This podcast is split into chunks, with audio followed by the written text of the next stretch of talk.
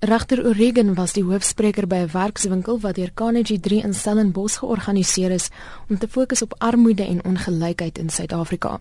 Haar tema was voorsiening van polisiedienste aan armes, lesse uit Kaalicha, wat op die kommissie van ondersoek se bevindinge gebaseer is. Sy sê die faktore wat misdaad veroorsaak in die area is kompleks en dat die kommissie kommerwekkende neigings geïdentifiseer het. Een daarvan is die polisie se onvermoë om ondersoeke te lei. The real worry is our detective service is dying. I mean, assuming we ever had one, but I'm willing to assume we might have. In Kailicha, there is a complete failure to investigate many crimes properly or at all. Dan is daar ook die kwessie van dossiere wat nie by die hof afgelewer word op die relevante verhoordatums nie.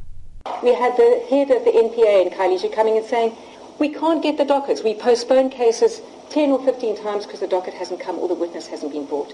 And that's what happened in the Ms. Nkonyana and the Ms. Makeke cases. Those families would go to court in order to hear the trial of the people accused of the murder of their daughters, and they'd be told at the end of the day, sorry, the docket didn't come, now you can come again in three weeks' time. This is not how to treat citizens, in my view.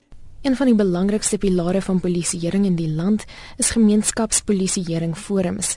Volgens Oregon misluk hierdie forums omdat polisieering in die area verpolitiseer word. The level of politicization is really undermining service delivery because it, it's focusing on political issues rather than rather nuts and bolts managerial issues.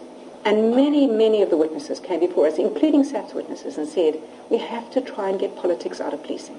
Sy hou agtervol dat die probleme nie onoorkomelik is nie, solank as wat polisielede hulle daartoe verbind om take reg uit te voer en om die nodige hulpbronne aan te wend. Hierdie verslag is saamgestel deur Joseph Msia in Kaapstad en ek is Marlene Forsie in Johannesburg.